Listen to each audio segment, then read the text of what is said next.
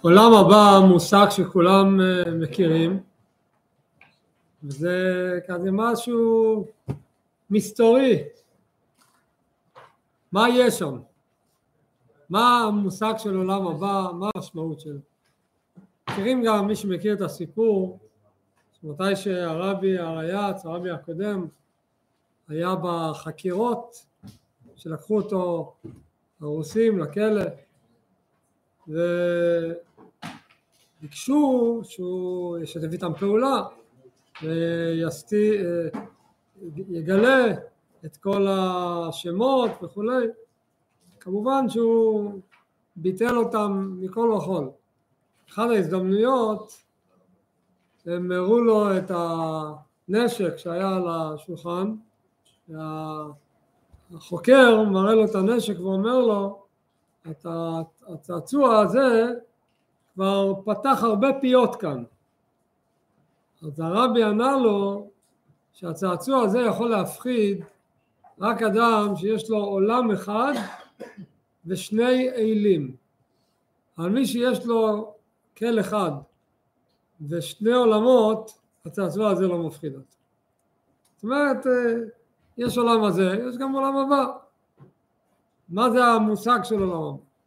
האמת שגם אדם שלא למד, לא מכיר את המושגים כפי שהם כתובים בספרי הקבלה והסוד וגם בספרי הגמרא בניגלה, גם מי שלא מכיר, גם יהודים פשוטים, מונח אצלם עולם הבא זה משהו גדול, זה משהו הבלתי ידוע זהו אבל הוא, הוא משהו יש אה, סיפור מעניין שממחיש את זה, היה יהודי שהיה צריך לחתן את הבת שלו, וכמו בסיפורים, גם במציאות ככה, לא היה לו כסף וחיפש מה לעשות. אז הוא הלך לצדיק, הוא הלך לצדיק מאפתא ואמר לו, כבוד הצדיק, אני בצרה גדולה, מה אני עושה? אני צריך כסף לחתן את הבת שלי. והצדיק אמר לו, אני נותן לך ברכה שבעזרת השם תצליח, ואני נותן לך גם עצה, כלי איך הברכה תצליח. צא לדרך, את העסקה הראשונה שאתה רואה, תעשה איתה את העסקה, לא משנה מה. ונתן לו רובל אחד ביד, ואמר לו, את העסקה הראשונה אתה עושה.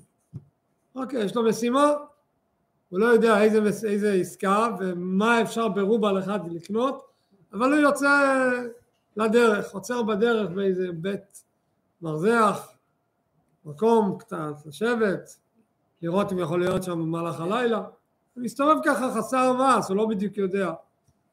פה יושבים כמה יהודים בצד ודנים ביניהם, יש על השולחן קופסת יהלומים, כולם סוחרי יהלומים כבדים ומעבירים סחורה, בוחנים, קונים, מוכרים, הוא נעמד להסתכל מה יכול להפסיד, הוא אחד הסוחרים אומר לו בצחוק, מה, מה, בדיוק איך הוא היה נראה, שאין לו, כאילו מה אתה מחפש, מה אתה רוצה לקנות יהלומים? אז הוא אמר כן, כי הרי הצדיק אמר לו העסקה הראשונה, זה העסקה הראשונה, אתה רוצה לקנות יהלומים? כן. אוקיי, מה, כמה יש לך? אז הוא אומר רובל. כל החבר'ה התפוצצו בצחוק, מה רובל, יהלומים, כל יהלום עולה בקיצור, כולם צחקו ממנו. היה אחד מהיהלומנים שיושב שם, הוא החליט לעשות ממנו עוד יותר צחוק. אז הוא אומר לו, אתה יודע מה? לי יש לי מה למכור לך ברובל. הוא נהנה, מה, הוא מוכן למכור ברובל, מצוין, הוא מחכה לעסקה. אומר לו, אני מוכן למכור לך את העולם הבא שלי. רוצה לקנות ברובל. ההוא בצחוק כזה, וכולם צוחקים מהבדיחה, אז הוא אומר, אין בעיה, אני קונה ממך את העולם הבא שלך ורובל. אבל בוא נעשה חוזה כדת וכדין. כתוב וחתום. הוא אומר, אין בעיה, אתה יודע, נזרום עם הצחוק, כולם לקחו חתיכת נייר, כתבו, זה המוכר, זה הקונה, הסחורה זה העולם הבא, המחיר זה רובל, שני עדים, חתמו, נתנו לו את הפתק, הוא נתן את הרובל, והוא הולך שמח וטוב לבב. הוא עשה את העסקה כמו שהצדיק אומר. אוקיי, חזרה חגיגה, כל אחד מהם הלך הביתה. אותו, אותו אחד שמכר את העולם הבא, מספר בבית לאשתו, ככה בבדיחה, היום היה לנו איזה צחוקים, היה איזה אדם, בא לקנות יהלומים ברובל, ומכרתי לו את העולם הבא ברובל. היא שומעת את זה, אומרת לו, מה? אתה מכרת את העולם הבא שלך? אני לא מוכנה לחיות עם בן אדם שאין לו עולם הבא. לא מוכנה. אז הוא אומר, לא, זה היה בצחוק, בבדיחה, זה סתם, זה כלום. לא, אתה מספר שעשיתם אה, חוזה כתוב וחתום, אין כזה דבר. לך על הבן אדם, תבטל את העסקה. רץ מהר, אה, עוד נפשו בו לאותו אדם, אומר לו, אתה זוכר שהיום תעשינו את הבדיחה? בוא אני אקח חזרה את הרובל, תן לי את הנייר ונגמור. לא, לא, לא, לא, לא. אני לא מוכר את ה... לא? כמה אתה רוצה? שתי רובל, עשר רובל, לא. פחות מאלף רובל אין לנו מה לדבר. מה אלף רובל? אתה נורמלי? לא? לא רוצה, אז לא. בקיצור, הלוך חזור, האישה הגיעה, זה, לא היה לו ברירה, הוא הוציא אלף רובל, נתן לו תבינו תקילין, קנה ממנו חזרת העולם הבא, וההוא מכר, ההוא קנה חזרת העולם הבא, וההוא עשה חתונה ברחבות, והכל בא על מקומו בשלום. גם יהודי פשוט יודע שעולם הבא זה לא צחוק, עולם הבא זה משהו רציני. אז נשאלת השאלה, אז נו, אז מה, מה יש שם בעולם? על זה אנחנו נלמד באיגרת החדשה, שאנחנו פה במסגרת השיעורים, לומדים באיגרת הקודש, הגענו לאיגרת ה', איגרת ה' נמצא בתניא בדף ק"ו עמוד ב', עמוד 212, מי שיש ספר, אז אנחנו נתחיל את האיגרת ופה אנחנו נגלה סוף סוף מה יש בעולם הבא. שנדע למה אנחנו מחכים. אז אה, האיגרת לא פותחת ישר עם השאלה הזו מה יש בעולם הבא, יש איזו הקדמה של שלוש ארבע שורות לפני כן כפתיח ואז אנחנו נכנסים לעניין. נתחיל את הפתיח קודם, נלמד את האיגרת ככתובו וכלשונו. פותח אדמו"ר זקן בפסוק. הפסוק אומר ויעש דוד שם. ויעש דוד שם, זה בפסוק, שם מסופר שדוד המלך יצא למלחמה. יצא למלחמה נגד הגויים, נגד ארם. חזר מהמלחמה, הוא הרג שמונה עשר אלף איש במלחמה. הייתה גבורה גדולה. ודוד המלך אחרי שהוא הרג את השמונה עשר אלף איש בארם, הוא לא עזב את השטח וחזר, הוא התעסק באופן אה, שהקדיש לזה זמן לכבד את הנפטרים, הגויים, האויבים, וקבר אותם בקבורה מכובדת את כל החיילים שנהרגו במלחמה, הגויים, ואז הוא חזר חזרה. עכשיו נקרא את לשון הפסוק, הפסוק אומר ויעז דוד שם בשובו מהכותו את ארם בגיא מלח שמונה עשר אלף. מה הפירוש ויעז דוד שם? אז מסתכלים באופן טבעי דבר ראשון בפרשני הפסוק, מפרשים על שמואל ב', נסתכל בפרשן הראשון רש"י למשל, מה רש"י אומר? וככה פשטנים אחרים הולכים על אותו דרך ששם, מה פירוש שם? שם זה פרסום, בדיוק. כמו שאומרים לשם תהילה ולתפארת, שם זה משהו, כמו שאומרים, שם טוב. דוד המלך עשה שם, למי הוא עשה שם? אז רש"י אומר הוא עשה שם לעם ישראל. שם טוב ליהודים. למה? כי כל העולם דיבר ואמר, אולי את לשונו של רש"י, ויעש דוד שם שקבר את ההרוגים שהרג באדום, והוא שם טוב לישראל שקוברים את אויביהם. פשוט שם טוב ליהודים, תראו איזה עם שלמרות שהם הורגים את האויבים שלהם, הם מכבדים אותם, זה עשה פשוט שם טוב ליהודים. זה הפירוש של רש"י. פירוש נוסף שכותב המצודות, על אותו כיוון ששם הכוונה היא פרסום, אבל לא כמו רש"י שהוא עשה שם טוב ליהודים, אלא רש"י אומר ויעש דוד שם עשה גבורה גדולה וקנה שם, קנה שם לעצמו. כולם אמרו דוד המלך הוא גיבור חיל, הוא עשה גבורה כזו, הצליח להעמיד שמונה עשר אלף חיילים, אז כולם דיברו עליו, איזה גיבור דוד. אוקיי, זה הפשט. אדמו"ר זקן מביא את הפסוק, אבל מביא פירוש אחר לגמרי. מה אומר על כך הזוהר על ויעש דוד שם? לפני שנראה מה אומר הזוהר, הזוהר לוקח את הפסוק, אבל אומר לנו, אל תקרא רק את פסוק י"ג הספציפי הזה שכתוב ויעש דוד שם, תקרא גם הלאה עוד שני פסוקים ותסתכל על כל שלושת הפסוקים כחטיבה אחת ומתוכה תבין מה פירוש ויעש דוד שם. אני אגיד לכם, אין לכם לפניכם, אני אגיד לכם מה כתוב בשל... בשני הפסוקים הבאים. הפסוק הראשון קראנו ויעש דוד שם בשובו מהכות את אדום וגיא מלח שמונה עשר אלף. מה כתוב בפסוק הבא, פסוק י"ד?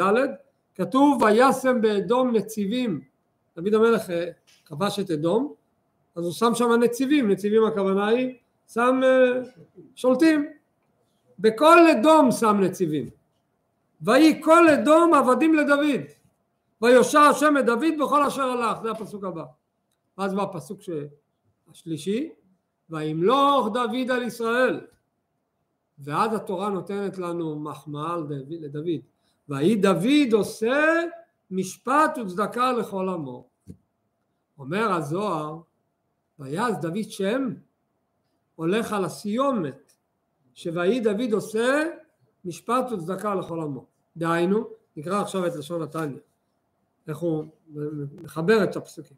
אומר אדמו"ר זקן בתניא, ויעש דוד שם, הוא פירש בזוהר הקדוש, הזוהר מסביר מה הכוונה שם, לא כמו שהסברנו קודם ברש"י או במצודות, ששם הכוונה היא פרסומת, עשה שם, שם גדול.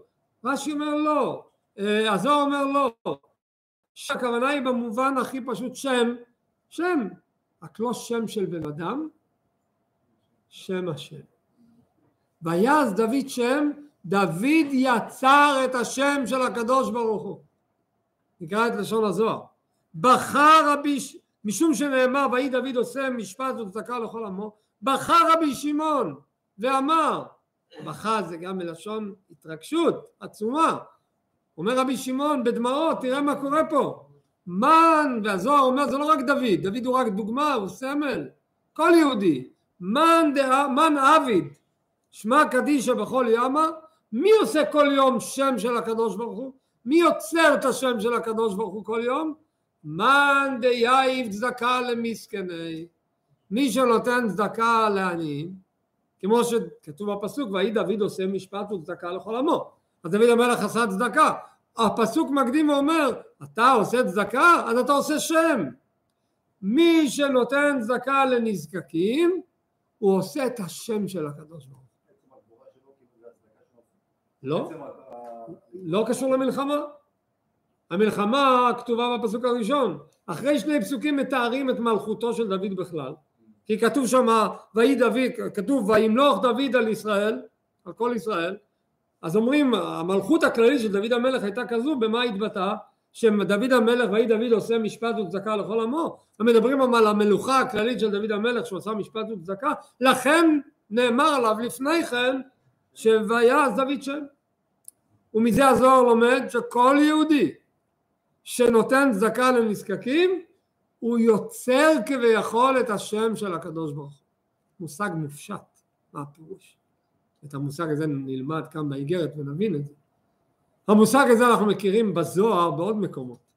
למשל, יש לנו פסוק מאוד ידוע בסוף ספר ויקרא, פרשה אחרונה זה פרשת בחוקותיי. מה אומר הפסוק הראשון של פרשת בחוקותיי? זה ברכות שהתורה נותנת ואומרת אם בחוקותיי תלכו ואת מצוותיי תשמעו מה ההמשך? ועשיתם אותם, אז ונתתי גשמכם בעיתם וכולי. שואל הזוהר, בואו נראה, נבין מה כתוב כאן. אם בחוקותיי תלכו, אז מה כתוב כאן? אם אתם תלכו בדרך של התורה. אוקיי, אז כתוב כבר מה הפירוש שיהודי יקיים את החוקים של התורה. על. ואת מצוותיי תשמרו. מה הפירוש ואת מצוותיי תשמרו? אתם תשמרו את המצוות שלי. אז מה זה ועשיתם אותם? מה ועשיתם אותם מוסיף שלא כלול בלפני כן? מה עוד הוא צריך לעשות? את החוקים הזכרת, את המצוות הזכרת, רש"י אומר שבחוקותיי תהיו עמלים בתורה, אז יש כאן גם תורה, גם מצוות, הכל יש. מה זה ועשיתם אותם? מה עוד עושים? מצוות כתוב לפני כן, ואת מצוותיי תשמרו. אומר הזוהר, המילה אותם כתובה בלי ו'. אפשר לקרוא את זה גם כאילו כתוב ועשיתם אתם. אומר הזוהר, מעלה אני עליכם כאילו עשאוני. אתם עושים אותי. ויכול הקדוש ברוך הוא אומר, אתם משפיעים עליי. אתם גורמים לי איך להנהיג את העולם. אתם גורמים לי איך לאיזה שפע לתת. ועשיתם אתם, אתם עושים את זה. איך אתם עושים את זה? על ידי אם בחוקותיי תלכו ואת מצוותיי ישמעו. זאת אומרת הזוהר מדבר לפעמים על מצב כזה מופשט ועליון, היהודי יש לו כוח, הוא עושה משהו בעליונים, גם פה על דרך זה. ויעש דוד שם, דוד המלך עושה את השם של הקדוש ברוך הוא, כמובן צריך להבין את המושג הזה, אבל ככה הזוהר אומר, דוד המלך עושה את השם. כדי להבין את זה, עכשיו נגיע לדבר על עולם הבא, שזה יהיה מושג שנדבר באריכות, זה איגרת ארוכה ומאוד מאוד מעניינת ומרתקת עם דברים נפלאים וממש עוצמתיים, אז הוא פותח, מתחיל ואומר, כדי להבין את זה, ויובן, את זה נבין בהקדים מאמר רז"ל. נבין קודם מה הגמרא אומרת, הגמרא במסכת מנחות מתייחסת על הפסוק, שמה הפסוק אומר? כי בק, בי"ק, בחש, איך כתוב הפסוק מההתחלה? הפסוק בהתחלה אומר הנביא ישעיהו, ביטחו, מכירים את הפסוק? ביטחו בהשם עדי יד, כי בי"ק השם צור, כי בק השם צור עולמי. מה הפשט של הפסוק הזה? הפשט, ביטחו בהשם עדי יד, תפתחו בקדוש ברוך הוא לתמיד, כי בק השם צור עולמים. מה הפירוש? כי הוא בעל הבית על כל העולם, תפתחו בו, מה אתם דואגים? הוא מנהל את הכל. אז יש אבל גמרא מעניינת. נקרא את לשון הגמרא. הגמרא מביאה ושואלת השאלה, מהי דכתיב, הגמרא במנחות שואלת, מהי דכתיב ביטחו בהשם עדי יד כי בי"ק השם צור עולמים. ככה השאלה שרבי יהודה שאל את רב עמי. אומרת הגמרא אמר לי, אז רב עמי עונה לו, מה הפשט? כל התולה ביטחונו בקדוש ברוך הוא מי שבוטח בהשם לגמרי, הרי לו מחסה בעולם הזה ובעולם הבא. יש לו עולמים לשון רבים, אתה בוטח בהשם, יש לך ביטוח ורוגע בעולם הזה ובעולם הבא. ככה הסביר רבמי את הפסוק.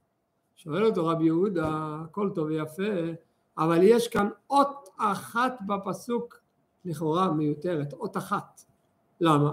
אם כדבריך שהפסוק הוא בעצם רצף. וחציו השני של הפסוק מסביר את חציו הראשון של הפסוק. מה אומר חציו הראשון של הפסוק? ביטחו בהשם עד היד בא הפסוק השני ומסביר מה יגרום לך זה שתפתח בהשם עד היד זה כדאי לך. למה? כי השם צור עולמים. כזה יש לו שתי עולמות יהיה לך גם עולם הזה גם עולם הבא. שואל אותו רב עמי שואל, שואל רב יהודה את רב עמי מה זה כי בי"ק השם? הבית מיותרת. אם היה כתוב כי השם י"ק השם צור עולמים זה היה מובן, אמר מה, פירוש? כי בי"ק השם צור עולמים, מה זה הבית הזה?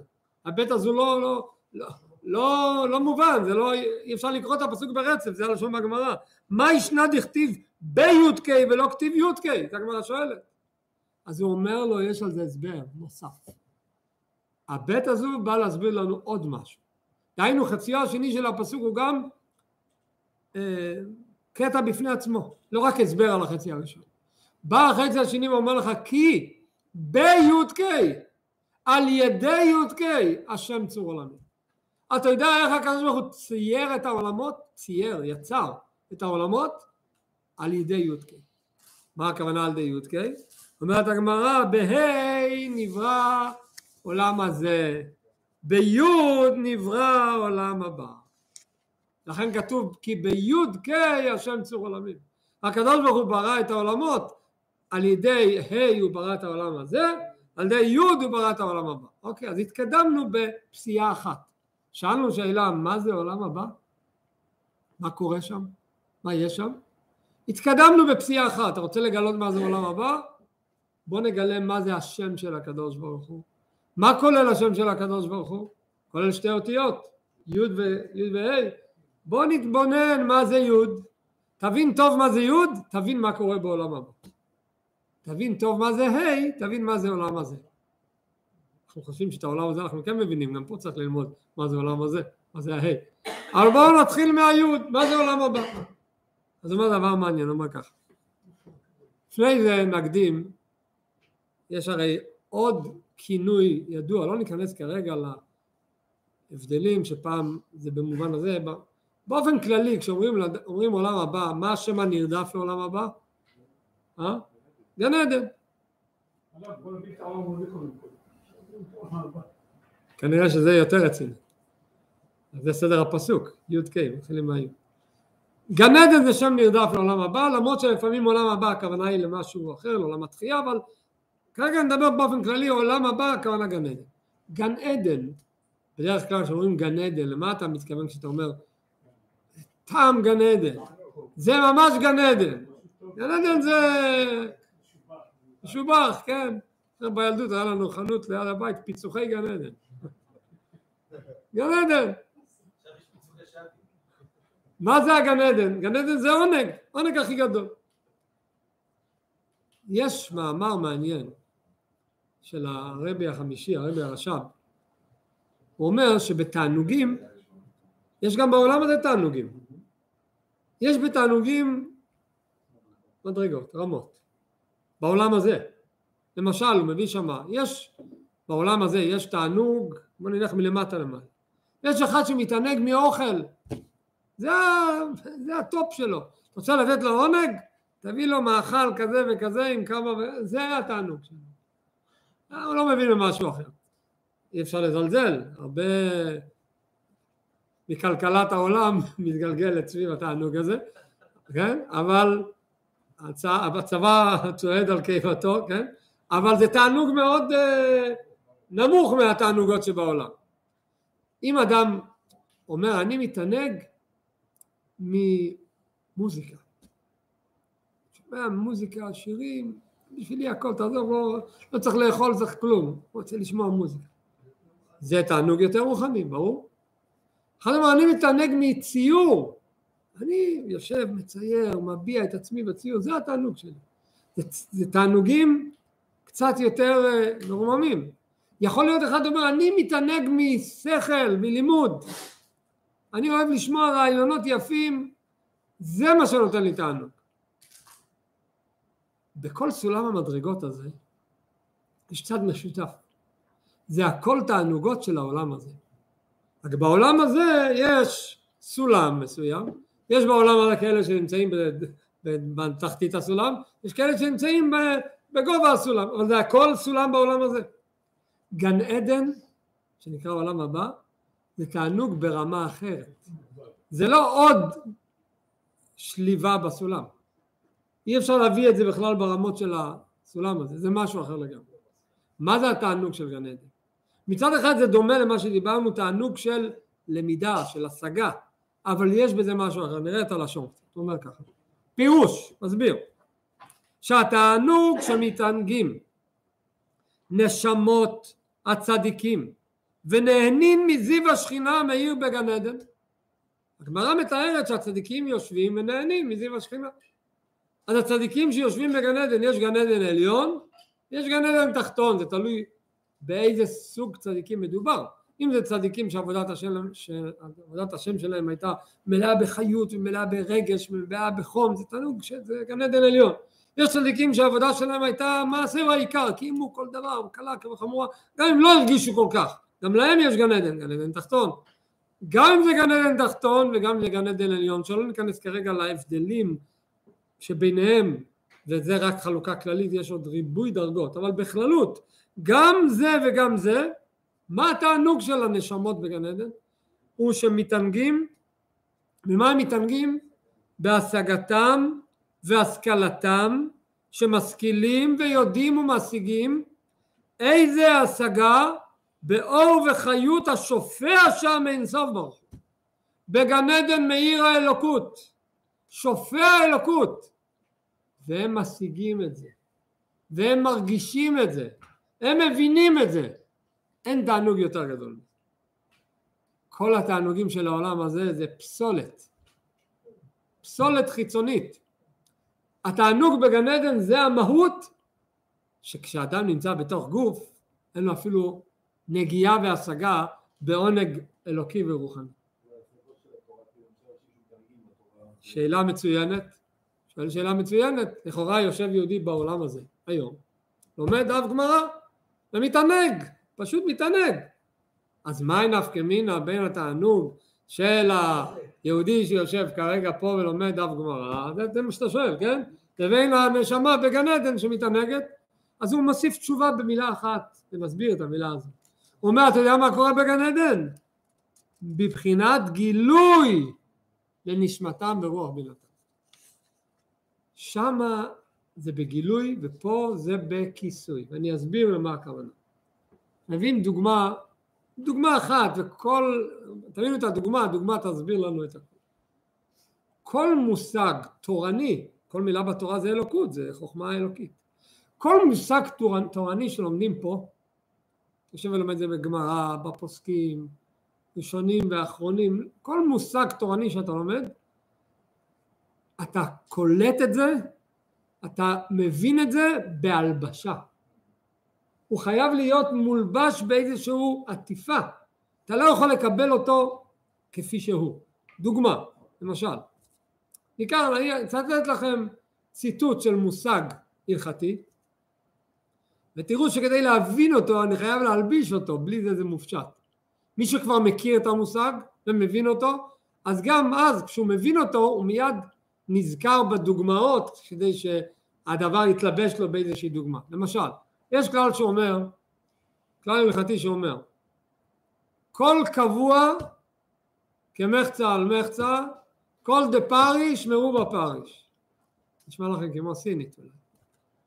נסביר את זה במילים פשוטות, בעברית פשוטה ואז נסביר. כל קבוע, כל ספק שמתעורר לך על דבר קבוע, מחצה על מחצה. כל דה פריש, כל ספק שמתעורר לך על דבר שפרש מי, אני אומר מרובה פריש, הוא פרש מהרוב. עדיין מופשט, נכון? כדי להבין את זה אני חייב להלביש לכם עכשיו בדוגמה מוחשית שנבין על מה מדובר. זאת אומרת, אי אפשר להבין את המושג בהפשטה שלו ולהבין את העומק שלו ישר. אתה חייב להלביש אותו. אני אלביש לכם אותו. אדם הולך בשליחות אה, אשתו לשוק לקנות בשר לשבת.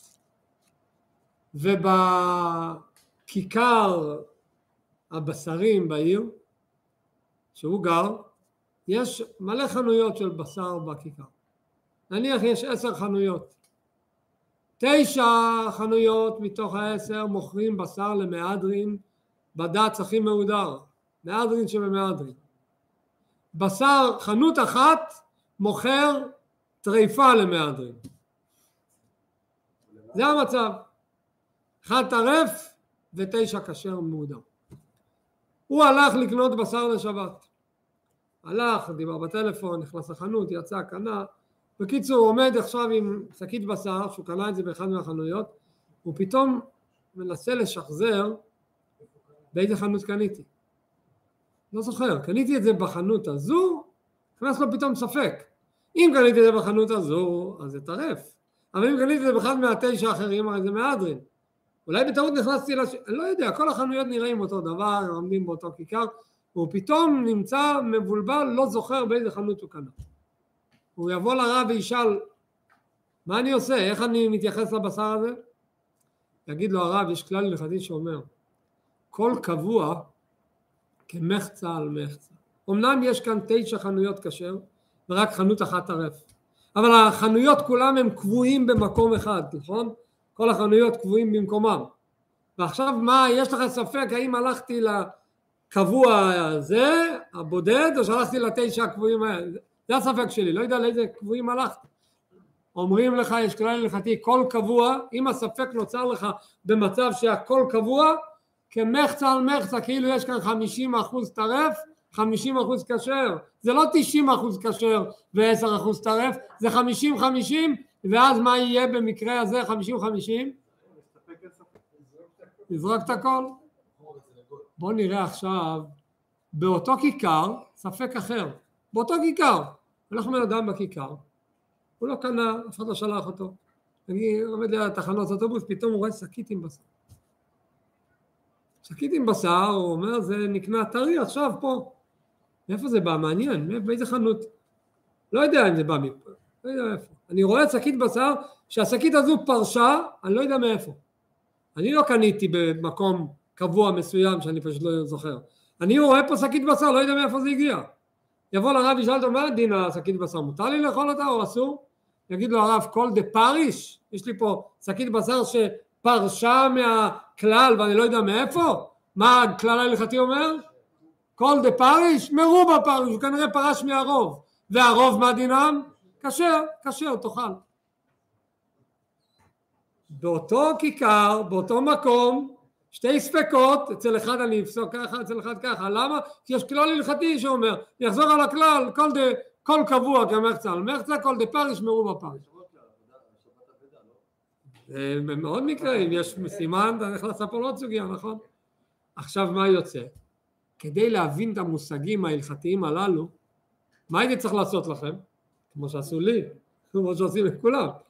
אני חייב לקחת את המושג, להוריד אותו בהלבשה, בדוגמה, ואז אני אבין, וגם אז, אוקיי, הבנתי את הסיפור. עכשיו, אני רוצה להבין מה הסברה שעומדת מאחורי זה. אני רוצה להיכנס יותר לעומק, אז שוב, אני צריך להיכנס לעומק, וכל עומק שאני אכנס פה בעולם הזה, ואני אתענג מזה תענוג עצום. לא גיליתי את האור המופשט של הסברה, של התורה. מה גיליתי, איך גיליתי אותו? בלבוש, בכיסוי.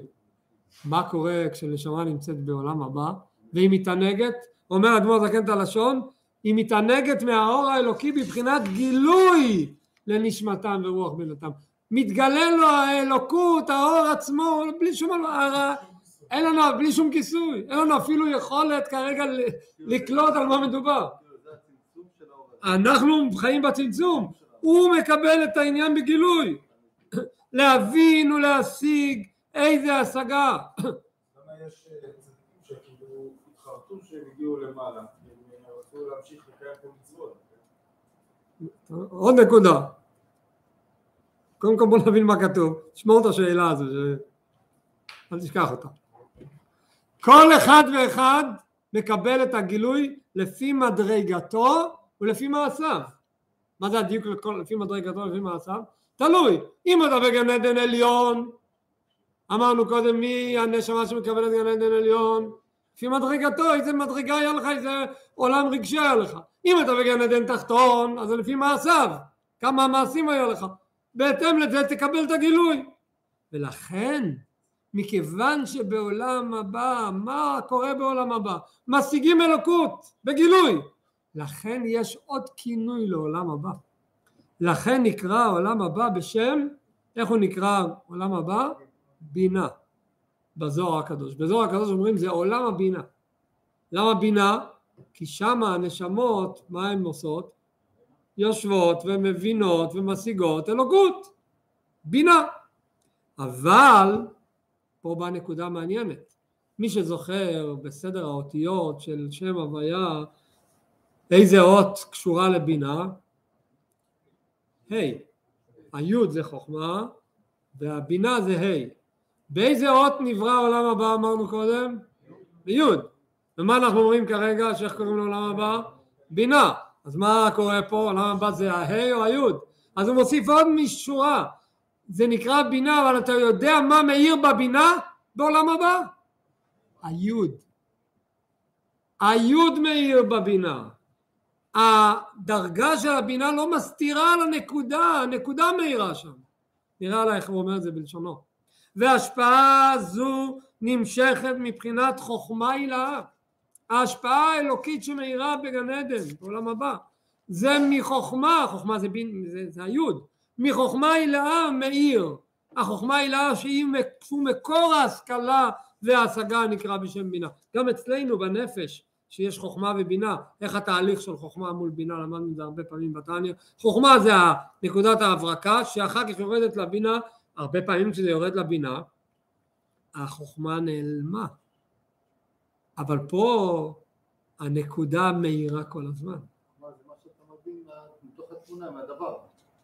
חוכמה זה לא מה שאני מבין מתוך הדבר, אלא זה מה שגרם לי בכלל להבין את הדבר.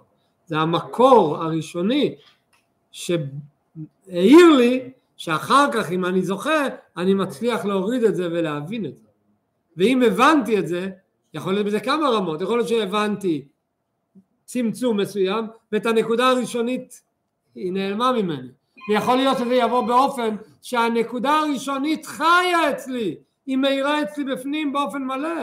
זה נקרא שהבינה, מה מאיר בבינה? המקור, החוכמה. והוא קדמות השכל. החוכמה זה קדמות השכל. מה זה נקרא קדמות השכל? זה לפני השכל זה כבר איזשהו מסגרת, איזושהי תפיסה, איזשהו, כמו עוטה, יש לה אורך, רוחב, איך אני תופס את זה, כמה אני תופס את זה. הנקודה, זה הנקודה המופשטת. ומה מאיר לנשמות בגן עדן? זה נקרא אמנם עולם הבינה, אבל לא מה מאיר להם בבינה? היוד, הקדמות השכל, הנקודה מאירה אצלהם. והוא קדמות השכל קודם שבא לכלל גילוי השגה והבנה. זה כמו אותה נקודה שעוד לא ירדה למטה. אז בדרך כלל כשהנקודה הנקודה יורדת למטה, מה קורה לנקודה? הולכת לאיבוד. חוכמה מאוד גדולה לשמור את הנקודה. אתן דוגמה למשל, כשאדם בא לתת שיעור, אז יש, המורה יושב בבית וחושב אני מחר בא לכיתה, לישיבה, אני צריך להעביר שיעור. הוא חייב לתכנן מראש מה הוא הולך ללמד בכיתה, מה הנושא, מה הנקודה של הסוגיה שהוא רוצה להעביר. הסוגיה הזו כדי להעביר אותה יש לה מרחב, יש קושייה ויש תשובה ויש הוכחה ויש רעש ויש תעסוקה, אבל יש נקודה מה... עכשיו תוך כדי שיעור, הרבה פעמים הדיון, במיוחד אם זה תלמידים, לא ילדים קטנים, זה תלמידים שמתחיל דיון ביניהם וזה שואל וזה מביא הוכחה אחרת ומתחיל סערת, לפעמים מרוב דיונים עלול לקרות מצב שהנקודה שהוא רצה להעביר הלכה לאיבוד. התלמיד יצא בסוף שיעור ויחשוב לעצמו, רגע, מה הנקודה שלמדנו היום? שמעתי 30 מושגים, אבל מה הנקודה? לא יודע. זו חוכמה מאוד גדולה, שכמה שמתפרסים, לחזור כל הזמן ולראות איך ההתפרסות הזו לא בורחת לשום מקום, קשורה לנקודה. אבל גם אם אני מקשר אותה לנקודה, עדיין הנקודה היא קצת מופשטת, אני צריך לתפוס אותה באורך ורוחב. בגן עדן הנקודה מהירה, זה מה שהוא אומר, והוא קדמות השכל, קודם שבא לכלל גילוי השגה והבנה. רק עדיין מבחינת ההלם ואסתר, נקודת החוכמה זה, זה משהו נסתר, משהו נעלם מצד עצמו. רק שמעט מזה עיר שם, זה עיר שם, שופע ונמשך משם לבחינת בינה. משהו, נקודה, שופע לבינה, ואז שהנשמה בגן עדן מבינה מה מאיר אצלה? הנקודה מאירה אצלה. אלוקות מאיר אצלה. היוד מאיר אצלה. לכן היוד זה, הש- זה האות שהעולם הבא נברא ביוד, למרות שזה עולם ההבנה. למה אני מייחס אותו ליוד? כי מה שמאיר ב, ב, במרחב כל הזמן זה לא המרחב, זה הנקודה כל הזמן מאירה פה. לא לסטות מהנקודה, שאתה הולך, אדם שולחים אותו לשליחות מסוימת. יש מטרה למה שלחו אותך. מה אתה צריך ל... מה... תוך כדי בשליחות הזו יש לך הרבה עיסוקים. לפעמים מרוב שאתה מתעסק פה קצת בזה, קצת בזה, אחרי שבועיים, שלוש, חודש או שנה, זה אומר רגע, מה בעצם, ה... מה המטרה שלשמה נשלחתי ומה אני בעצם עושה? האם מה שאני עושה מבטא את המטרה, קשור למטרה, או שאולי נסחפתי לכל מיני כיוונים ואיבדתי בכלל את הנקודה? צריך הרבה הרבה עוצמה כדי שהמרחב לא יגרום לך לאבד את הנקודה. ובגן עדן יש להם כל הזמן את הנקודה, לכן זה היוד מאירה שם. ולכן נקרא בשם, איך קוראים לזה בזוהר? נקודה בהיכלה. מה זה נקרא נקודה בהיכלה? בתוך ההיכל הגדול יש את הנקודה כל הזמן. ההיכל זה כמו הבינה, המרחב. הנקודה המאירה בהיכל, היא לא הולכת לאיבוד לשום מקום, היא מאירה כל הזמן, זה מה שנקרא עדן. ונקרא, איך קוראים לנקודה הזו? מה השם של הנקודה הזו? של החוכמה? של קדמות השכל? של היוד? ונקרא עדן. עדן, המילה עדן, צריך לפצח את המילה גן עדן לשתיים. יש גן, יש עדן. עדן זה הנקודה העליונה. הגן זה איך שהנקודה... איפה כתוב גן עדן פעם ראשונה? בראשית. איך כתוב איך הפסוק אומר שמה?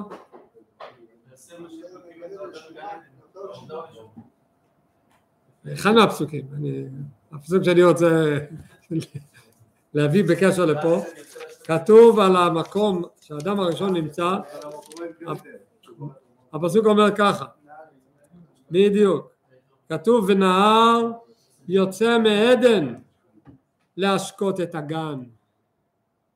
יש לנו עדן, מעדן יוצא נהר להשקות את הגן. יש לנו כאן שלושה מושגים, עדן, נהר וגן. שלוש מושגים שונים. הפסוק אומר שהנהר יוצא מעדן להשקות את הגן. אז מה זה העדן ומה זה הנהר ומה זה הגן? מה זה עדן? עדן, זה הנקודה. לא, לא הבינה, החוכמה. עדן זה הנקודה. מהנקודה מהעדן יוצא נהר. זה הבינה. יוצא נהר מעדן, יוצא נהר ומתרחב. והפסוק אומר רק הוויה לארבעה ראשים הוא מתפרץ ומתפשט. אבל מרוב ההתפשטות הזו לפעמים הולך לאיבוד הנקודה. זה מה שקרה בסוף לאדם הראשון, זרקו אותו משם, כי הנקודה הלכה לאיבוד לרגע. שהנשמה נמצאת בגן עדן, קוראים לזה גן עדן, לא גן נהר, הנהר יוצא מעדן להשקות את הגן, ואיך אני קורא לגן? עדן. לא קורא לו גן נהר, למרות שמי משפיע על הגן? הנהר, אבל מאיפה הנהר מגיע? מהעדן, החוכמה היא שאת העדן תמשוך עד הגן. אל תאבד את העדן בדרך. אל תיתפס בנהר שיוצא מעדן, תגיד אוקיי עדן, זכותו במקומו, אנחנו נהנים מהנהר. אל תאבד את העדן. זה מה שהוא אומר ונקרא עדן. הנקודה שמאירה בגן עדן זה העדן. מה זה עדן? זה החוכמה. אשר עליו נאמר, מה כתוב על העדן? עין לא ראתה אלוקים זולתך, יעשה לה מחכה לו, ככה הפסוק אומר, אומרת על זה הגמרא במסכת ברכות. מה זה העדן? זה מקום שלא שלטה בו עין כל בריאה, וזה יעשה לה מחכה לו. זה המעלה שיהיה לעתיד לבוא לנשמות בגן עדן. זה גן, זה עדן. זה המקום של היוד שמקבל מהנקודה הראשונה מהחוכמה. מה העונג? מה קורה בגן עדן בעולם הבא? מה קורה שם? נשמות יושבים, מה עושים שם? מה קורה שם? אלוקות בגילוי, פשוט אלוקות בגילוי. כשאלוקות בגילוי אין תענוג יותר גדול. אם האדם בעולם הזה מתענג, ממה הוא מתענג? מהכיסויים, מהפסולת, מה, מה, מהבררה של הבררה, של האור שמאיר מלמעלה, מזה הוא מתענג. יש לך את הדבר עצמו, אין ארוך בכלל. אמרת פעם שהשפעה היא שהשפע הוא מצומצם תמיד, השם לא יכול להביא את כולו למטה. נכון, לכן פה אנחנו מקבלים מצומצם, ופה אנחנו צריכים לזכור, כמו שכתוב במאמרי חסידות, אתה לא יכול לקבל את כל ה... ברור שלא, אבל האדם שעושה פה מה שצריך, זוכה לקבל את האור בשלמות.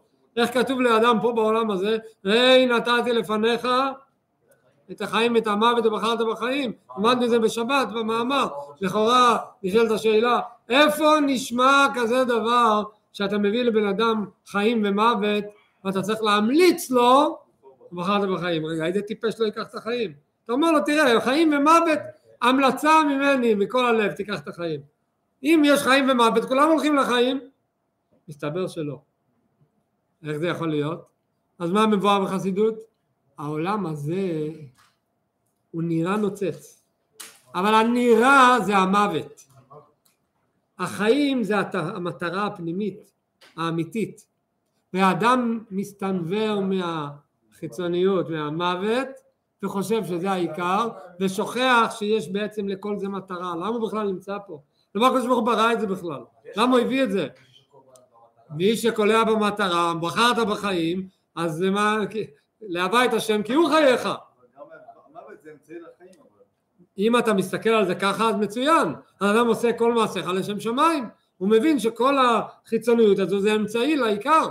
אם הוא יודע להסתכל ככה, אז מצוין, טוב מאוד. אבל העולם הזה, התענוגות של העולם הזה, אין להם ערך לתענוג האלוקי האמיתי. התענוג האמיתי, האינסופי, המופשט מכל דבר, זה התענוג האינסופי של גן של עולם הבא. ועוד שורה אחת, שנרחיב בזה, אה, בעצם פתיח לשיעור הבא, לדבר המרתק, ונקרא, יש עוד שם לחוכמה. עד כאן הערכנו שהחוכמה זה המקור של הבינה, של המרחב, של ההבנה, של ההשגה האלוקית. יש לו עוד שם, וזה פתיח לעולם הזה. רק נראה את הכותרת שלו.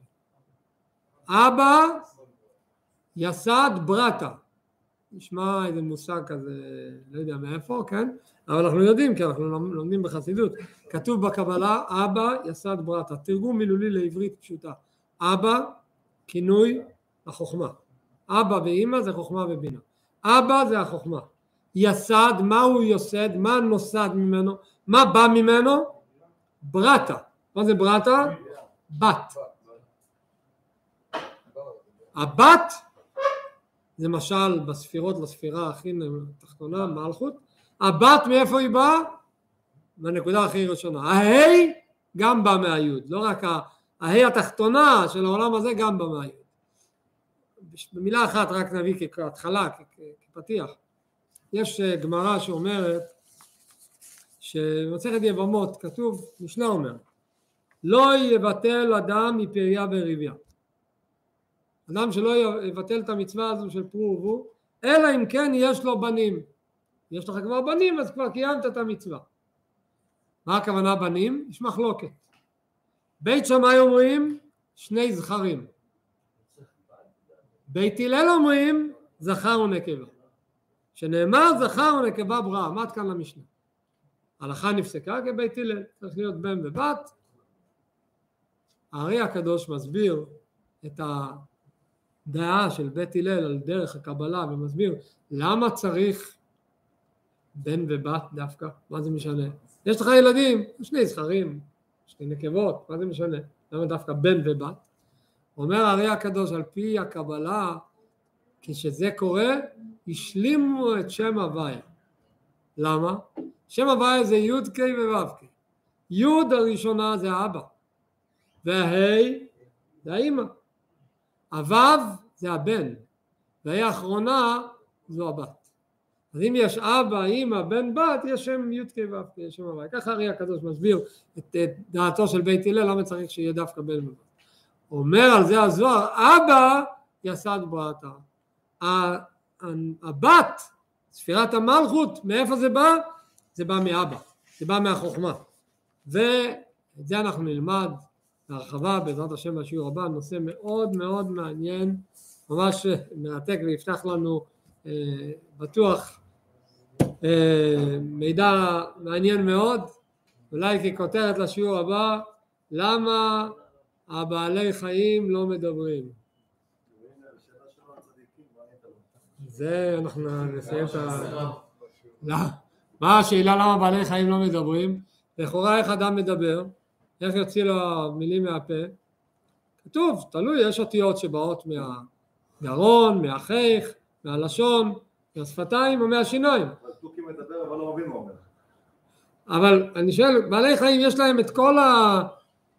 את כל המערכת הזו, שיניים, לשון, שפתיים, חייך, גרון, הוא לא מדבר. לא, למה שלא ידבר כמוך?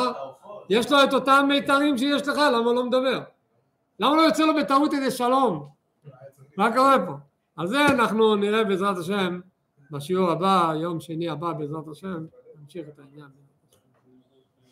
כן.